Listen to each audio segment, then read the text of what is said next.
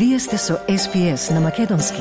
Слушнете повеќе прилози на sps.com.au козацрта на Седонин. Прашав, што значи таа песна? Што значи ова збор? Памтам еден кушум. Кушум и што значи? Тој не може да ми каже само тоа што значи во англиски bullets, Тој сака да ми каже цело историја на Македонија. Тој ми каже за ајдуци. Тој ми каже за војводи.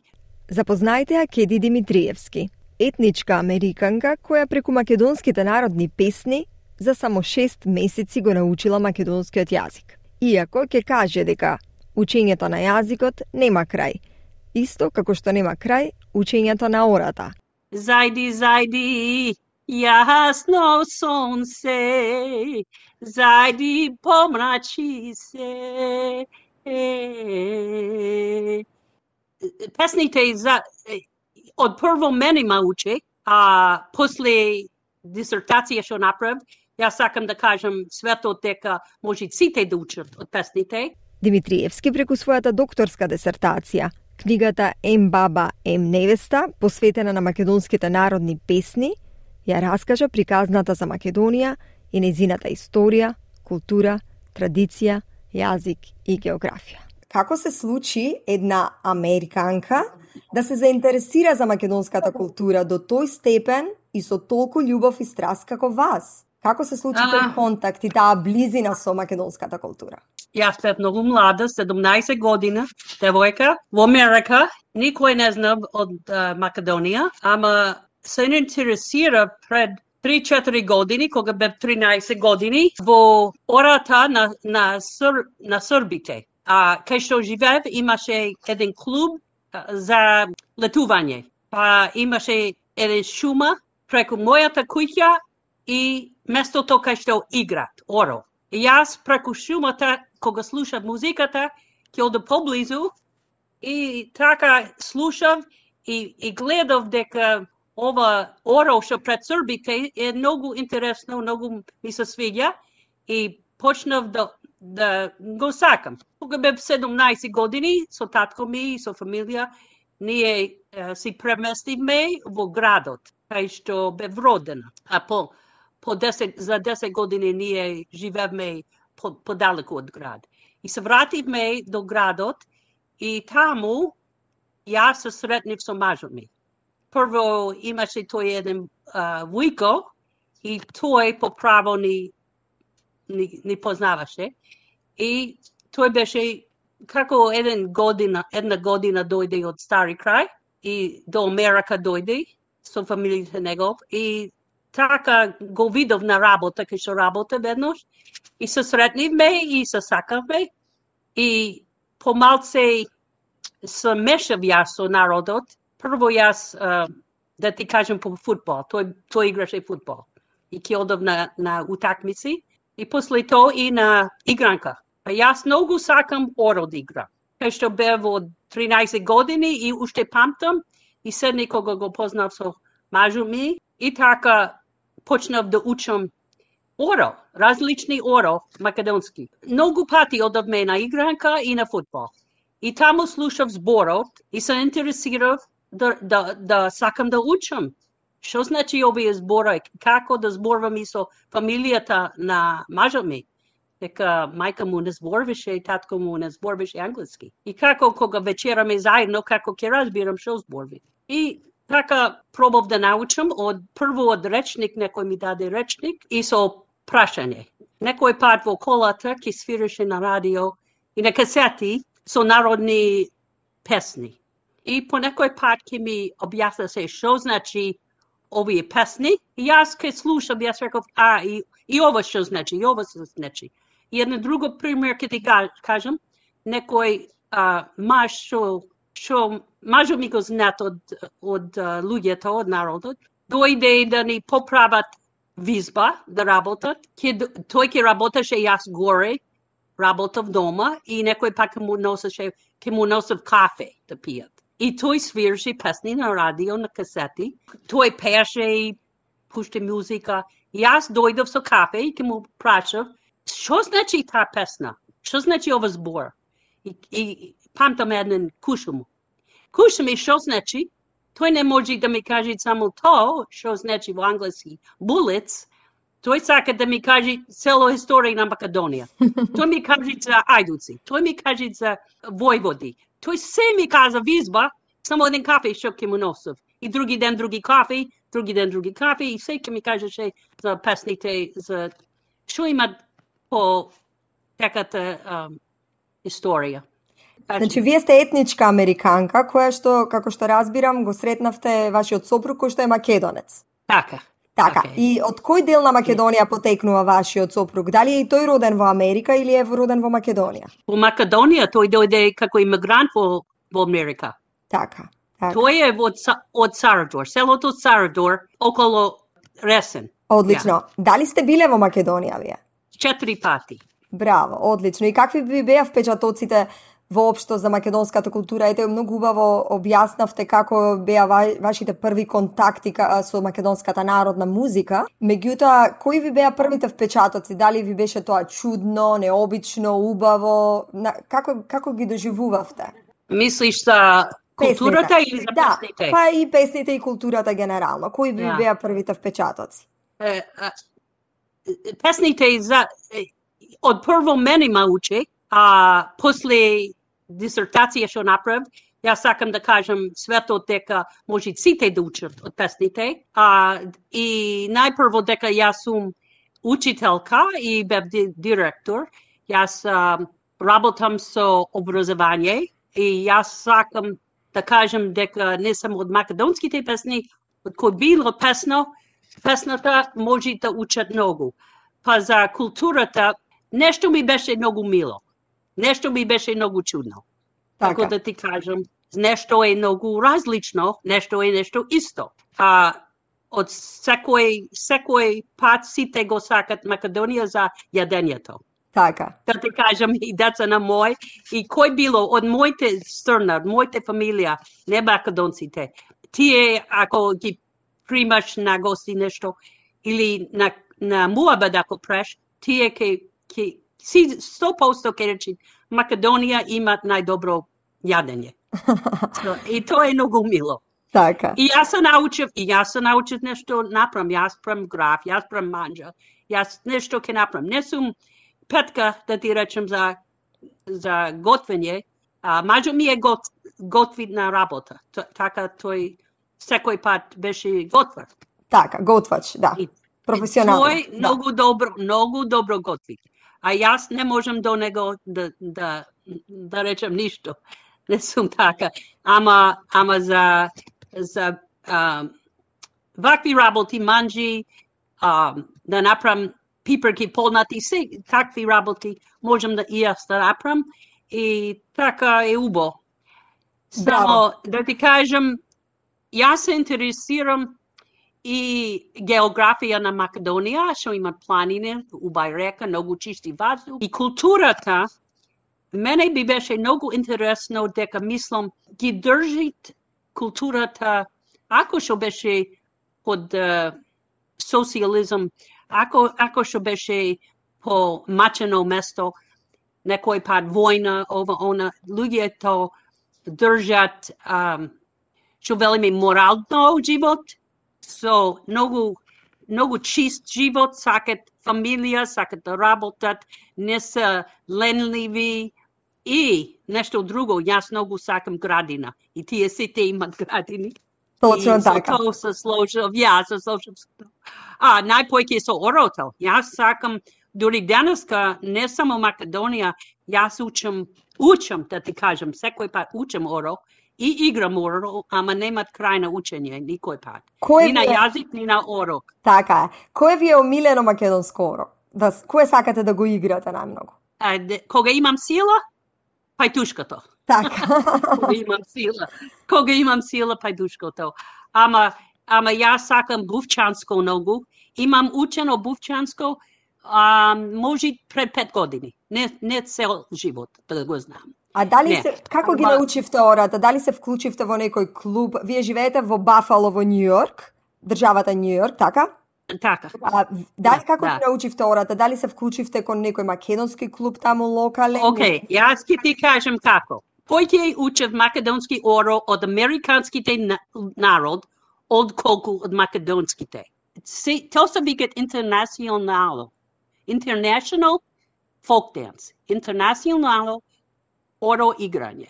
Така. И учиме од секој свет, не само од Македонија, од Спанска, од Италија, од Грција, од Израел, од Унгарија, Романија, секаде учиме. Тоа што успеавте да го научите македонскиот јазик, дури ете да давате интервју на, на јазикот, е мощно импресивно.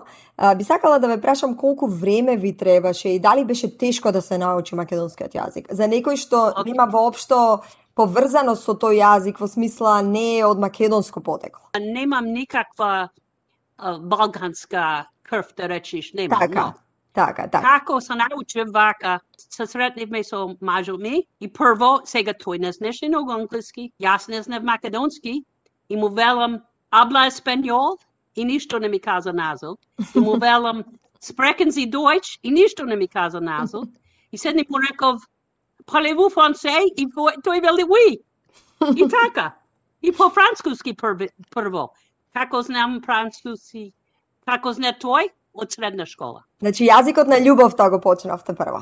Така, така. Не само што го, него, што го научивте македонскиот јазик, што, како што реков, само по себе е многу импресивно, туку вие отидовте еден чекор напред, кога станува збор за македонската култура. Напишавте книга, Така. потоцно тоа е вашиот докторат, докторска десертација, за историјата, културата, традицијата, јазикот и географијата на Македонија. Книгата се вика Ем баба, ем невеста. Она што оваа книга ја прави многу особена и уникатна е дека таа ја раскажува приказната за Македонија, низ народните песни од антика до денес, до модерните времиња. Да почнеме со тоа од каде инспирација и мотивација за ваков труд. Односно, зошто толкому ги избравте македонските песни? Јас кога учев uh, за докторат во факултет Универзитет на Бафало. Јас сретнав една друга професорка, но тај по право ми праша, шо пешен имаш? А, страст, да. Пе- стар, имаш за доктора, за дисертација да пишеш? Јас ја реков, ако сакаш од срце и од душа да ти кажам, најпојќе сакам овие песни македонски или народни песни од, сек, од кај било, јас мислам дека луѓето, деца не може да учат многу. Што е народна песна? Народна песна немат корен, не, зна, не знаме кој го писал. А, може да сменит, може да сменит од, од генерација до генерација некој, некој збор може да менви. И така реков, како друга песна, Happy Birthday, што пееме секаде. Happy Birthday, Happy Birthday. Цел свет го, го знаат Happy Birthday. И може да го менвит. Овдека ние го пееме Happy Birthday, а сетни го, го пееме uh, May the good Lord bless you. Господ да ти благослови. Благослови, да. Ja, i, i, i nije го сменивме, малце плюс го и кладовме. Сега, така е народна песна. Дали мислите дека македонските народни песни се менувани во текот на времето или тие биле зачувани как во, во нивната оригинална форма? И така, и така. И двете, Тие добро. имат, имат нешто со, со имат нешто, македонската песна имат нешто што е секаде, што значи песната, што е душата на песната е исто. Ама зборот може да менуваат најпојќе види, види кој, кој region, кој место си во Македонија Така. нешто збор во Штип е истата песна или на радио ќе слушаш или ќе го слушаш во Окрит и некој друго збор ќе имат. И може слично во во што сакат да кажат, ама е друго збор. Некој как каже и некој как а, клават друго збор. Може и реченица може да клават нешто Така, друго. така, семејно Или дело. појќе верзи, појќе верзи може да клават. Океј, ама ама за за дисертација, кога јас ја реков на ова ова професорка дека пешен имам за овие песни, тај речи така ќе направиш. Ти ќе направиш дисертација на македонската песна и тоа е. И кога излеза во офисот, не верував сама дека така ми има речено. Јас во лифтот уште, кога одев долу на лифтот, јас реков, о, Господ, не верувам, така вистина ми рече, така што срце ми што имам во срце можам и да направам дисертација. Почнав да одам на библиотека, да земам книгите, колку што можам да учам за македонската песна, македонската а, литература за песните и од друго место, а дека нема многу, нема многу да најш. И седни од професорите на Стари крај на, во Македонија а, се сретни едно со друго. Има многу, многу интерес пред да дојдем во Македонија, не само со а, интервју со луѓе, ама пак и со ресурси, со книги. Токму тоа сакам да ве прашам. Каде, бидејќи нели македонската култура не постои само во границите на Република Македонија, туку како малцинство македонците живеат на многу на во повеќе држави. Кажете ми ка, кои држави ги офативте, кои територии, какви извори, како истражувавте освен овие живи интервјуа што ги спомнавте интервјуа со живи сведоци? Да. Така, јас сакам да ти кажам дека сакам да одам во село, сакам да одам во град, сакам да одам во поголемо град.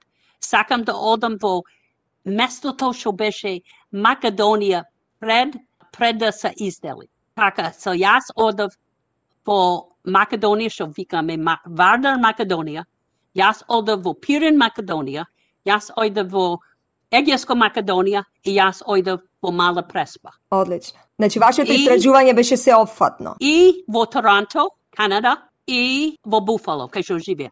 И така беше со интервјус. Пак имав јас survey на интернет и добив респонс од многу место, од многу, од многу земја. И од Австралија, да ти кажам. Многу од Австралија. И од Германија, и од Белгија, кај, кај што кај што не. Многу, многу место ми, ми А, значи за нашите слушатели да кажеме дека survey е истражување кое што вие го направивте преку интернет како анкета. Yep.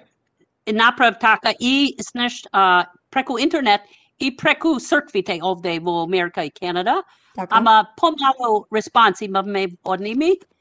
А во интернет имаше доста. Јас на интернет ги прашав кој пееше во твоја фамилија, па и ги прашав што ти са о најомилени песни. Токму тоа ќе да, токму тоа ќе беше моето следно прашање за вас, кои се вашите омилени македонски народни песни? Тешко прашање. Јас, е, е можда, можда менува то, можда менува некој пат. А прво песна, јас може ви да го пејам, како јас прво чекате да кажам, шест месеци ми зеде да, да научам јазикот. За шест месеци го научивте? Шест месеци. Браво. Ја, ја, шест месеци. Да направам муабет вака со, со народот. И уште до денеска прашувам на, на мажот ми, што значи ова? Али како да речем тоа? Уште, немат крај на учење. Ниједен јазик да нема кажем. крај, да. Ниједен немат крај да. на учење за ништо. Так. И јас um, многу сум одврзен со мојата вера. Јас сум католична жена, а јас сум многу врзана со мојата жена. Многу учам и одам црква и молам и да ти кажам, и за верата немат крај, и да учење, Библијата може да учиш цел живот. И така е со песната, и така е со јазикот. И така е со готвење. Така. Да ве подсет, сега ве вратам повторно на прашањето да ми ја кажете омилената македонска народна песна. Океј, okay, така ќе ти кажам сега. Кога, така, затоа ти кажа за 6 месеци. Тие 6 месеци учев, разбирав многу брзо дека од песната можеш да учиш многу. И првата песна што научив да пеам беше за Милица. Сношти ја видов мамо море убавата мила, Милица. И то беше од Александр Сариевски. Не okay. знев то, во тој време не знав толку пеачот, а знам песната. Го слушав на некој албум и уште тога го сакав та песна. И седни македонската девојче научив и о, за кеф или за што, за смење ми ме научи, земи момче македонче. Уште то памтам. И, и други песни, ама мажо ми појке сакат народни, и така свираше народни песни. А, и, и јас сакам. А, а најомилени смен ви некој пак, кога ојде во, во Пиринска Македонија и во Скопје, кога ми пееше гитарата некој млад, и кога ми пеа на вечер мажите во Пиринско место, по едно село, кога ми пеат на, како да ти кажам, надвор седнав ми под, под звездите, и да ми пеат ова песна ми седе во душата и во срцето уште до денеска, и тоа е кога падна на Пирина, ранат Јане Сандански. Исто така да споменеме, Кети, дека зборувајќи за јазикот, дека вие ги направивте вашите истражувања на македонски. Вие зборувавте македонски, го користевте јазикот додека го правевте вашето истражување за вашиот докторат. Вистина, така е. Така беше јас uh, интервјуз направ во, во македонски јазик. Ако шо, шо овдека се смејаме и некој па велам јас зборувам како преспанска диалект и пошто фамилијата зборуваат и се смејаме и некој па ги викат турско-ресенски. Ама сите ме разбират. И ојде, кога ојде во, во, а, во мала преспа, тие многу едно место беше, на две село ојдовме по право. И Глобочане, uh, Глобочани and what's the other one? Пустец. Пустец, yeah. да. И многу чисто зборба таму, македонски, и вака ми каже дека тие се многу осамени, многу местото е осамено, само кај, кај, кај езерото, и не се мешат многу и ги оставија порано да учи македонски во селото, во школата, во школата. А другото село, малце поинако може да зборби некој збор појќе, дека фаштат радио, а, сигналот на радио од Македонија. Тие што не фаштало и не слушал зборови, нешто модерни збор што, што влези во јазикот, и тие почисто зборби таму. Така, така. Токму тој феномен го имаме и тука меѓу македонци oh. кои што дошле многу одамна и пред Втората светска војна дури и кои што го зачувале јазикот во изворната форма. Меѓутоа знаеме јазикот е жива материја, тој постојано се менува. Внесуваме странски зборови, некои ги забораваме од постоечките и така. Јас сакам исто да ве прашам каков беше вашиот заклучок за тоа колку важен дел биле народните песни од македонската историја, каква беше нивната улога во историјата, дали тоа беше прашање на кое што бевте концентрирана? Кога прашав народот за песните, прво сите ги сакат. Пеат фамилиите песната, а кога ќе соберат на седенка, на свадба, на празници, на работа нека, некој пат, кога беше, најпојќе кога беше постарите години, пред, пред да мен ви технологија, кога пред да има трактори, што со трактори можеш да оиш побрзо на полето и немат појќе спење, па и не можеш да слушаш пеат а, песната. А порано кога ојде да на, на поле, некој пати босо ојде на поле да работат, колку ме, му беше тешко работате, песната го пред работата полесна. Песната а, може да кажат многу работ. А, а за зошто го пеат, го пеат дека, дека полесно му беше работа и дека со песната е животот поле, повесел. Така, повесел. така. Маката а, полесна, а животот поубав. Така, зато го пеат. И, и го пеат кога имат um, празници, и го пеат кога имат седенка. Седенка кога береа тутун, кога треба да нижи тутун, да седи или нешто друго работа. Во Саравтор има тутун, тутун. А, порано имаше многу тутун. Кога седат да го, да го нижи тутунот, ке пеат песна. На кој пеат? Некој фамилија, некој пеат појте фамилии. Некој во фамилијата ки има човели дар на, да пеат. И некој немат. И тој што има дар може да почнат. Или некој ки вели, и една чупа ки па, почнаше и сите ќе почнеме да пееме. Како јас и ти. Ако јас почна, имаме појќе луѓе, појќе...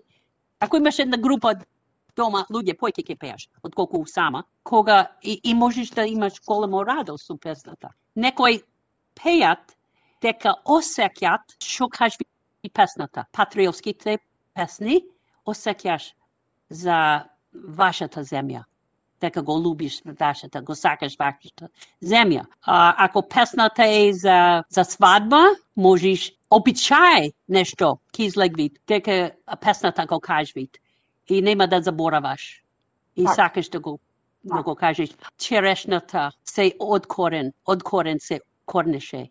Та песна, многу пати, ако може да и посар, многу пати до ден денеска го кажвит на, на свадба. Така, како символ ja. на керката која си заминува од родителскиот дом. О, вистина. Вистина и, и многу тој тој е весела и тој жална песна. Хети, а... дали ќе биде дали ќе биде премногу ако ве ве прашам да ни запеете малце?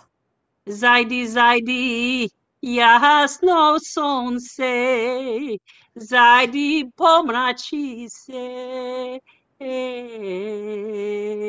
и ти jasna le mesečina udaj begaj, udaj si se. Ви благодарам, А, не можам да, да замислам поубав а, завршеток на нашиот разговор денеска. Ви благодарам што бевте денеска со нас. Ви посакувам многу успех и само да напоменам дека вашата книга е достапна и во Австралија за оние што се заинтересирани. Мене ме, мене ми е многу мило што се сретнивме на радио, барам пријатно.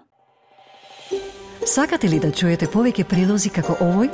Слушате подкаст преку Apple Podcasts, Google Podcasts, Spotify или од каде и да ги добивате вашите подкасти.